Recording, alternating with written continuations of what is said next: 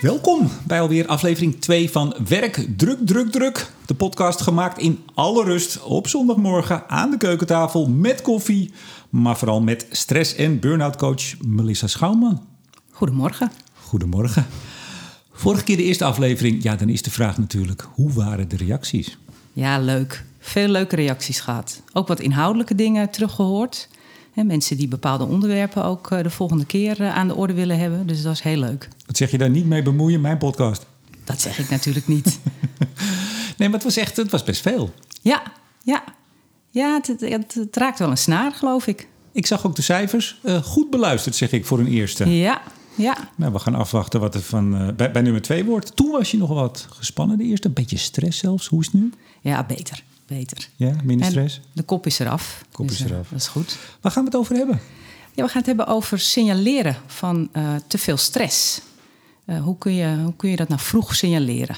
Eigenlijk de, de spreekwoordelijke kanaries in de mijn. Ja, die hadden het niet best, die beesten. Die gingen in hun kooi mee. En als die van het stokje gingen, dan wisten de, de, de, de werknemers of de medewerkers... die wisten, oeh, wij moeten nu gaan. Dit is niet goed. hè? Slechte, Ja. giftige gassen in de mijn. Ja. En ja, ja, het klinkt eigenlijk heel gek. Het ligt ook heel erg voor de hand, de vraag. Maar waarom is het belangrijk om al heel vroeg te signaleren? Nou ja, net als dat die eh, Canaries eh, dan, dan eh, lieten merken... er is onheil, ligt er in het verschiet. Ja, zo Voor, kun- voor ons is het te laat. Red, red, red jullie Red-? Red jezelf. En zo kunnen vroege stresssignalen kunnen helpen, eh, eh, kunnen jezelf helpen als mens, eh, maar ook in organisaties kan het helpen, om er gewoon echt veel eerder bij te zijn dat dingen niet uit de hand gaan lopen. Dat, dat problemen en klachten erger worden. Nou, vorige keer heb ik het al heel even kort aangestipt. in deze aflevering alleen maar erover. Dus Ja. in de spotlight. Ja. Jij staat medewerkers bij in je praktijk. Jij staat dus de individuen bij, maar ook de organisaties, het collectief. Eh, speelt dit nou bij beide? Dat, dat je zowel eh, individuele vroegsignalen hebt, maar ook eh, collectieve organisatiesignalen? Zeker, ja. ja dat, dat speelt bij, bij beide kanten. Ja. Nou, dan gaan we ze alle twee behandelen. Welke zullen we eerst doen? Nou, de medewerker, laten we daar eens beginnen. Nou, zeg het maar. Jij komt een medewerker tegen of jij komt in een organisatie, je gaat met iemand zitten. En, en wat zijn dan. Nou, laten we beginnen met de categorieën van. ehm, eh, ja, de categorieën waar je vroeg signalen kunt aantreffen. Ja, Eh, vaak eh, als mensen eh, last hebben van, van te, veel, te veel werk, te veel privé-sores, dan, dan beginnen ze te klagen over dingen. Hè, dat kunnen fysieke klachten zijn. En dus dat er, dat er soms al kleine klachtjes zich in een vroeg stadium aandienen. Maar dat kunnen ook emotionele dingen zijn. Hè, dat, dat ze merken dat ze niet meer helemaal zich voelen zoals ze zich normaal voelden. Eh, en het kunnen soms ook wel een beetje ehm, ja, concentratieachtige dingen zijn. De- eh, gewoon heel veel aan het hoofd hebben en daar dan eh, beperkingen door gaan voelen. Dus minder goed kunnen focussen en dat soort dingen. Maar we hebben het dus wel echt over een vroeg stadium. Dus het is allemaal nog niet heel erg, maar wel merkbaar. Laten we beginnen bij fysiek. Ja, Nou, ik voel me niet zo lekker. Ja, dat heeft iedereen wel eens. Eh, verkoudheid, griep. Nou ja, nu nog steeds wel ook eh, corona eh, actueel. ja. Iedereen voelt zich wel eens niet zo lekker. Ja. Hoe, hoe onderscheid je dat van een mogelijk vroegsignaal van te veel stress? Ja, dat is natuurlijk wel belangrijk. Want het is niet de bedoeling om alles maar als eh, stressgerelateerd te labelen.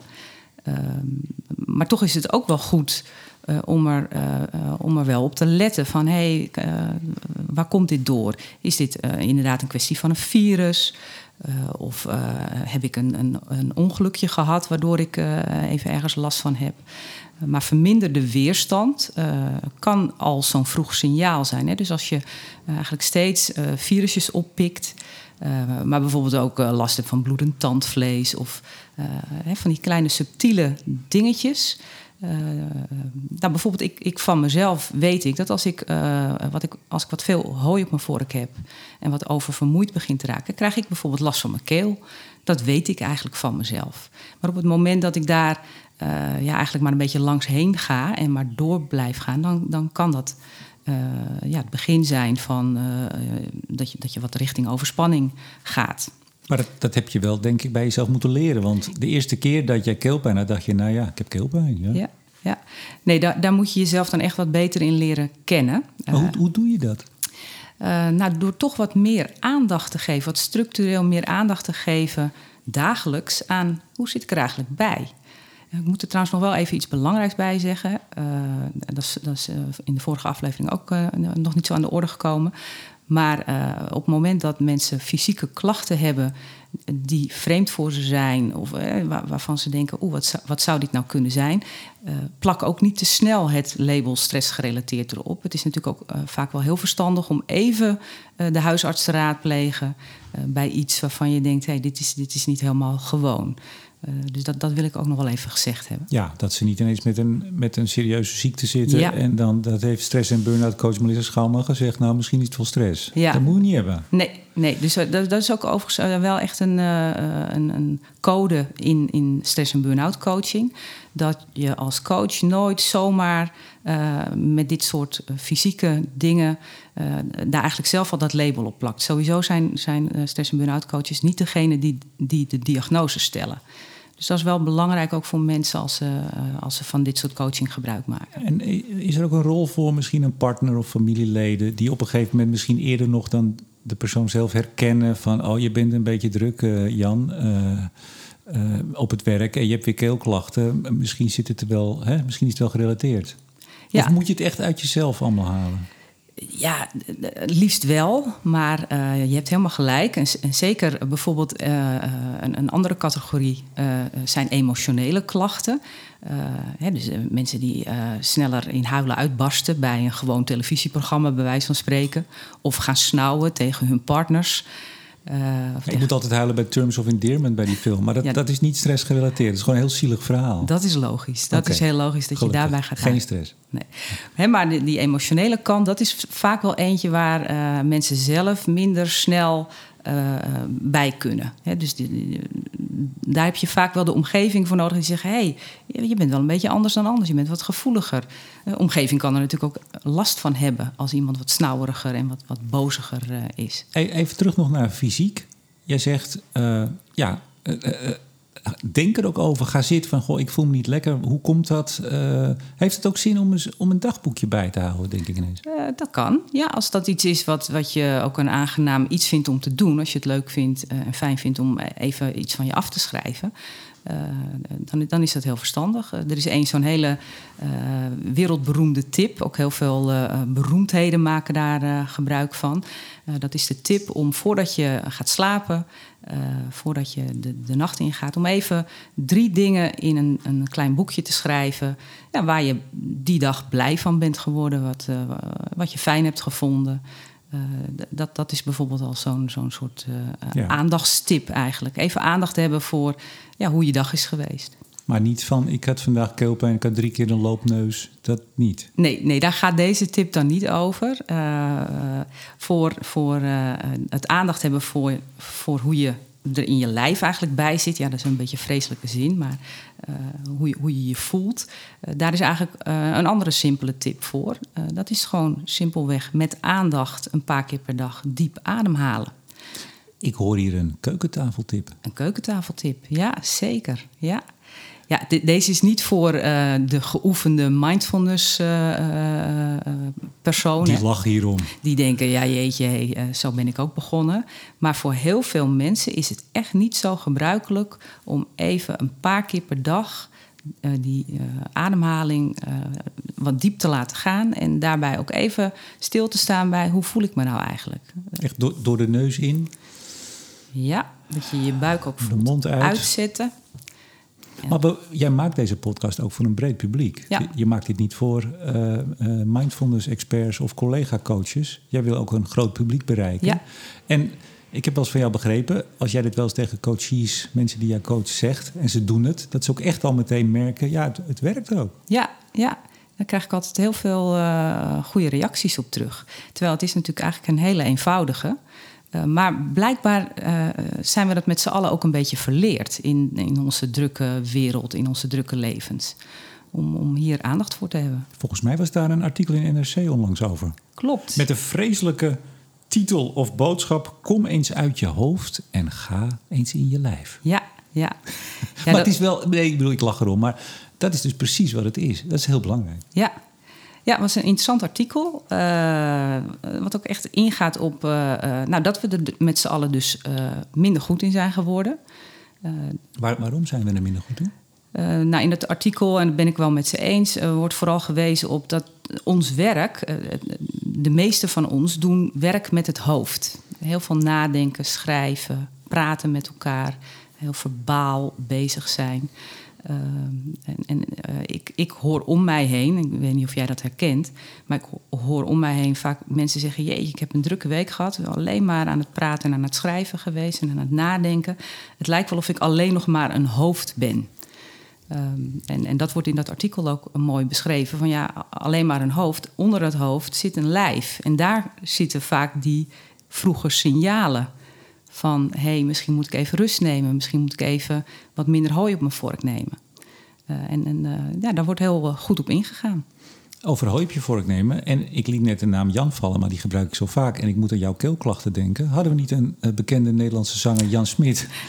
die, die, nee, ja, ja, je lacht. Nee, ja, maar die had eerst keelklachten, geloof ik. Zingen ging moeilijker. Ja. Uh, uiteindelijk is hij uh, wel met burn-out onder en echte burn-out onderuit gegaan. Hij heeft op een gegeven moment al zijn optredens afgezet. Die is echt enorm van slag geraakt, om het zo maar te zeggen. Maar dat begon ook met ja, keelklachten. Ja, ja klopt.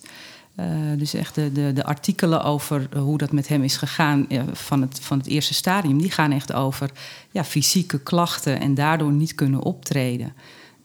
En en ja, daar diende zich misschien eigenlijk al, of misschien, ik weet het eigenlijk wel zeker, de, de periode van: hey, dit is allemaal te veel geweest. Ja, nou, en bij hem jarenlang. Hè? Als, als kind is hij al begonnen, altijd langs de weg optreden, optreden. Maar in, in kantoren hebben mensen dat misschien op hun manier ook wel. Ja. Weer een nieuwe opdracht, weer een nieuw project, weer een nieuwe klus.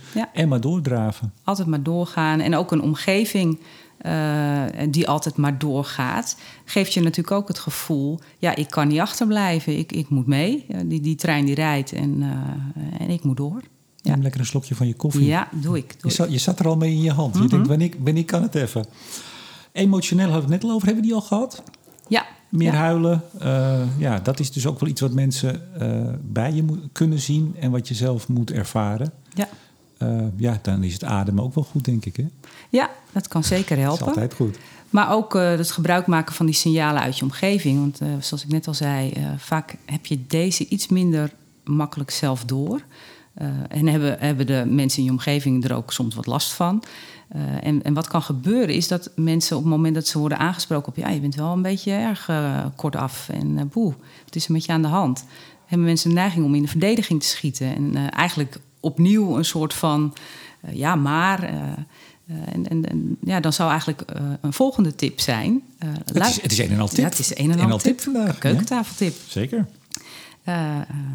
hey, de, ga niet meteen de verdediging in. Uh, luister naar wat je, uh, wat je gezegd wordt. Misschien hoef je nog niet meteen te zeggen: Oh, ik ben het met je eens. En ja, uh, ik voel het ook zo of zo. maar, maar neem het maar even tot je. Ja, nou, ik zou bijna, toen je zei niet meteen de verdediging in, toen dacht ik: Ja, dat is makkelijk. Doe, doe het niet. Maar neem het tot je. Dat is, dat is anders. Hè? Zo van: nou, Ik ben het er misschien wel niet mee eens, maar ik parkeer het even. Ja, ja, ik, ik, ga er eens over nadenken. Ja, ik ga eens even kijken of ik uh, de komende tijd ook wat meer bij mezelf uh, ga herkennen.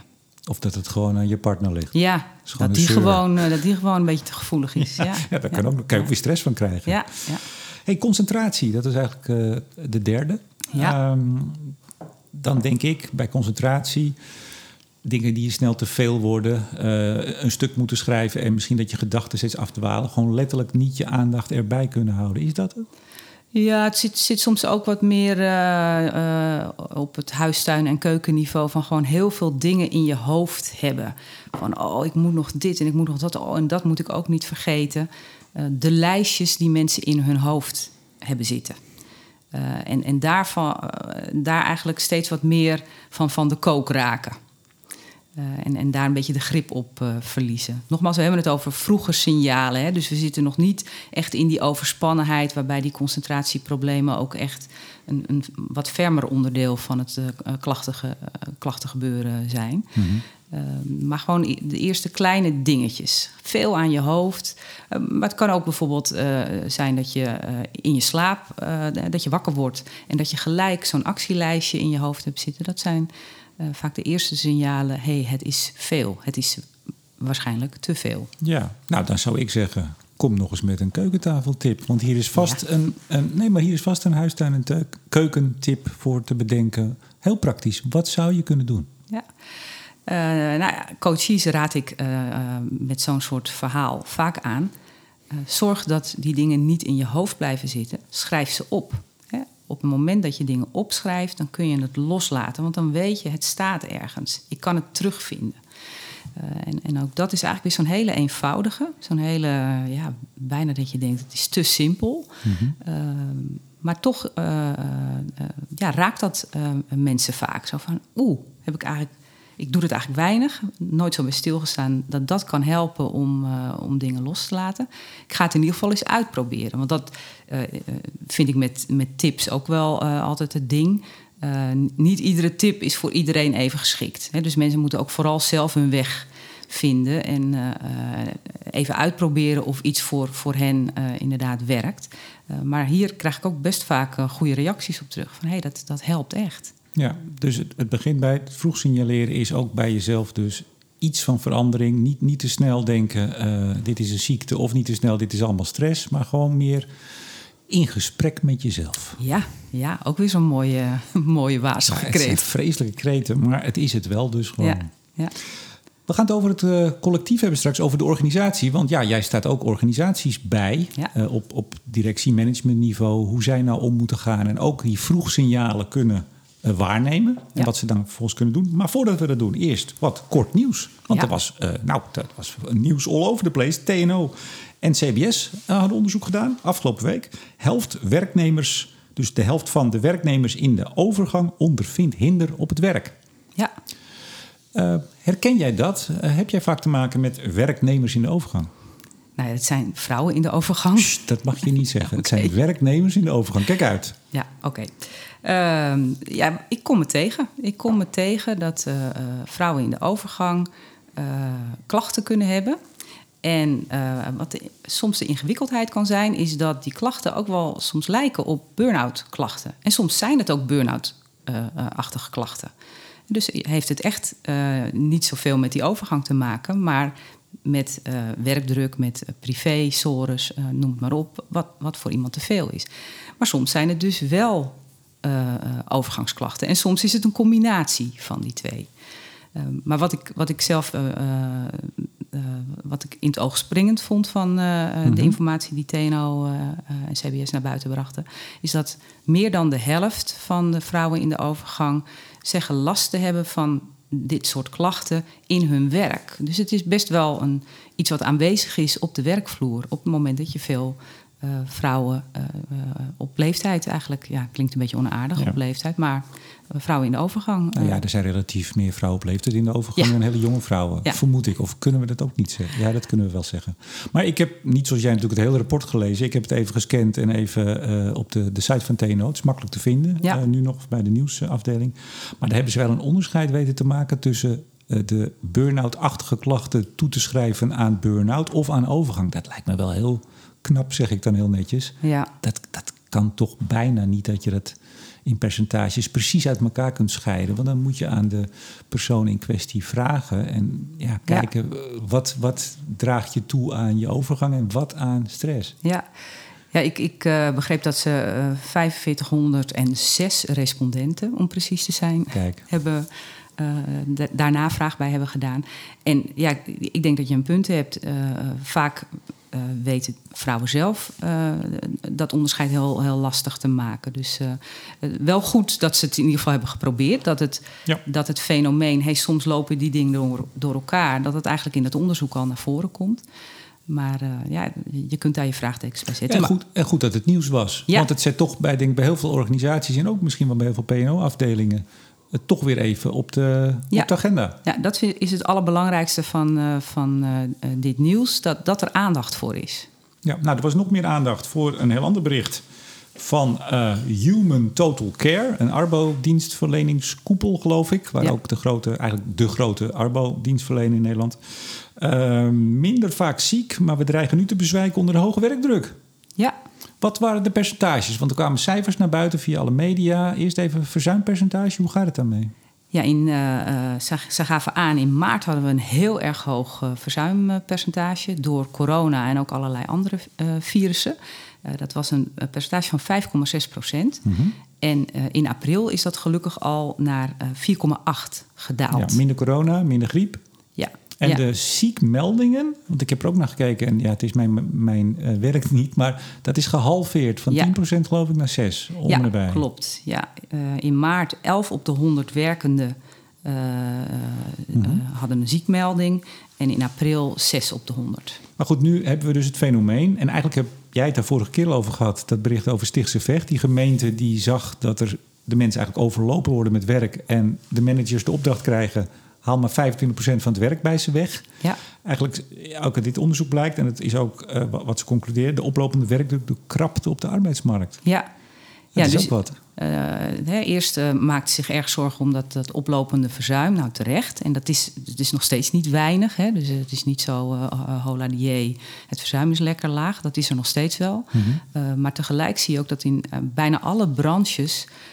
de hoeveelheid moeilijk vervulbare vacatures steeds groter uh, worden. En, en, dat geeft natuurlijk ook werkdruk. Uh, dus ja, het, het, het, had, het, deed mij wel denken aan het Stichtse Vechtverhaal. Ja, nou mensen die dit allemaal willen nalezen, google even Human Total Care, voor wie dat niet al kent, .nl, zo ja. heten ze. En daar is, is ook gewoon het onderzoek en alle cijfers zijn daar te vinden. Ja. Um, de organisatie, we hadden het net over het individu. Vroeg signaleren de kanarie in de mijn. Nu bij organisaties. Jij komt veel bij organisaties over de vloer. Als jij nou binnenkomt, letterlijk misschien wel. En je zit op een gemeenschappelijke, weet je, van die plaza's of, mm. of andere, hè, waar mensen koffie drinken. Zo. Kun jij soms alles wat zien aan bijna de temperatuur figuurlijk in de organisatie? Ja, ja ik let daar natuurlijk wel op. Hè. Dus ja. ook een beetje beroepsdeformatie misschien. En uh, even, uh, je moet natuurlijk niet bij één beeld gelijk al denken: oh, dit oh, is. Is helemaal niks hier. Dit is, uh, dus helemaal, het loopt hier helemaal over van de, van de stress. Uh, maar hè, waar ik dan bijvoorbeeld naar kijk, is uh, ja, strakke koppies.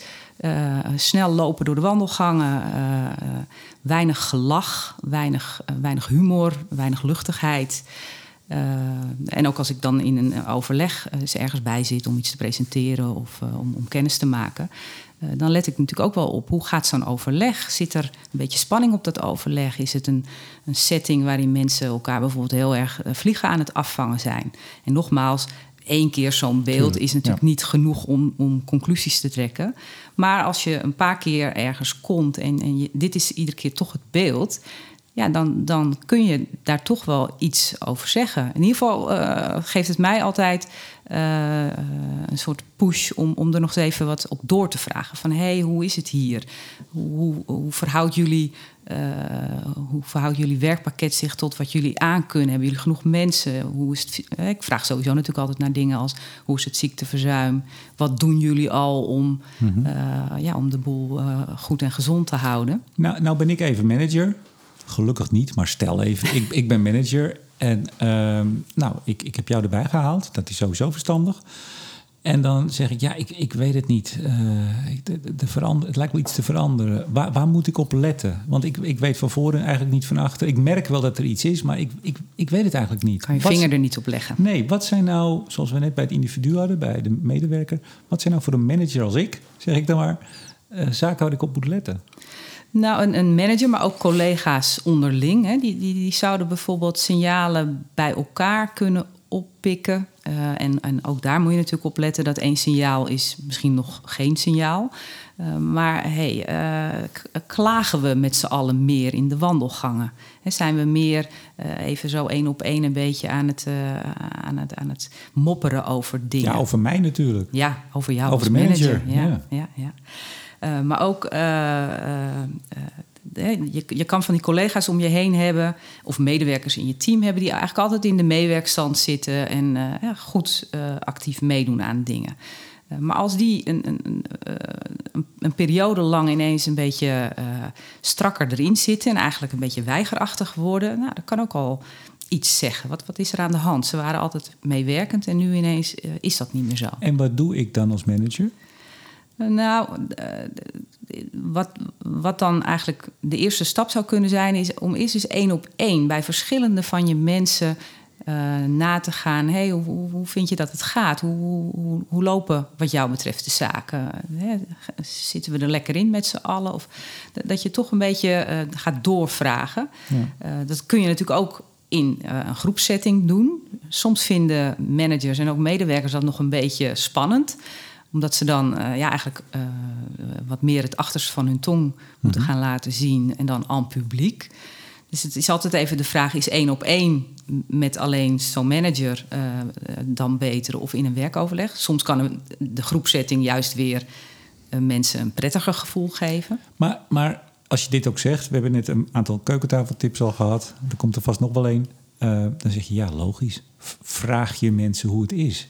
Is jouw ervaring dat dat toch nog best wel bijzonder is? Gebeurt dat dus te weinig? Ja, ja, daar is wel een parallel met die dingen die ik net over individuen zei. hè? Mhm. Eh, dat soms hele simpele tips, dat die al veel, uh, veel doen. Nou, dit is er ook zo eentje. Praten met je mensen, praten met elkaar over hoe we eigenlijk vinden dat het gaat, is niet zo gebruikelijk. Maar als een werknemer, die, dus ik ben, ik ben weer even de chef, ik zeg: Goh, laten we, Melissa, laten wij eens even praten. En dan zeg jij: Nou, waarom? Ik, ik heb helemaal geen behoefte aan. Hoezo? Is er wat dan? het, lijkt me ook wel, het kan ook wel gevoelig liggen, want het, het heeft toch al een soort lading. Van ja, is er iets aan de hand? Ja.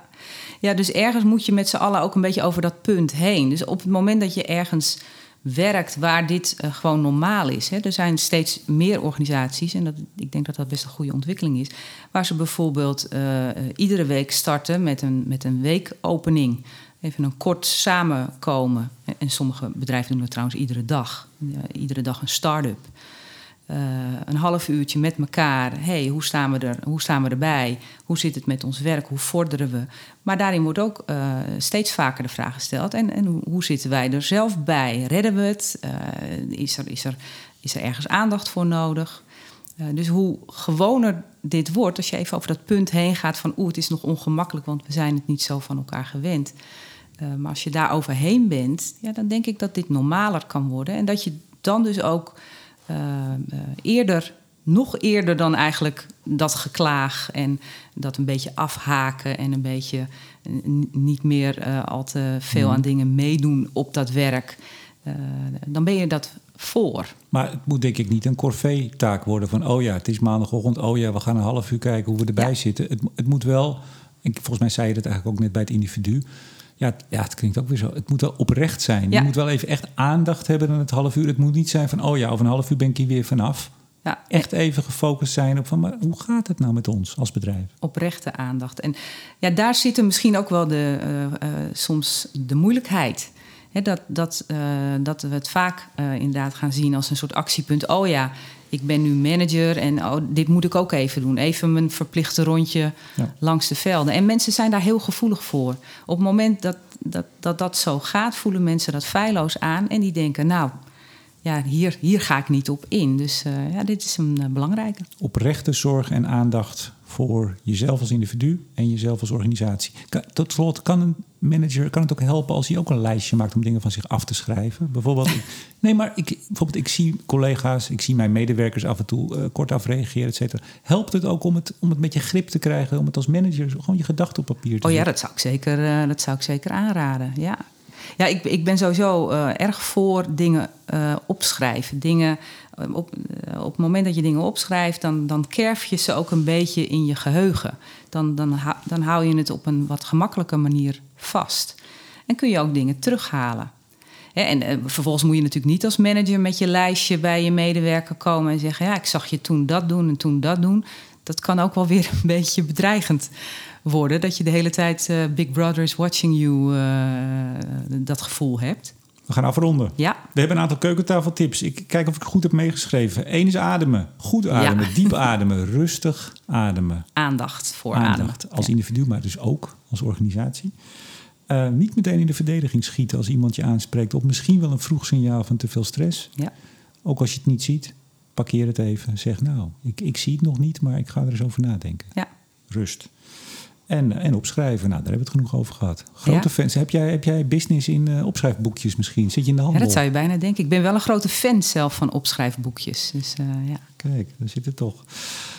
Tot zover de tweede aflevering van Werk, Druk, Druk, Druk. Als luisteraars nou opmerkingen, vragen, anderszins hebben. Vorige keer vertelde je, doe dat maar via social media, via Ja. Twitter of LinkedIn. Eh, dat kan openbaar als men dat wil. Dat kan via een DM. Jij bent makkelijk te vinden. Melissa Schouwman zonder W.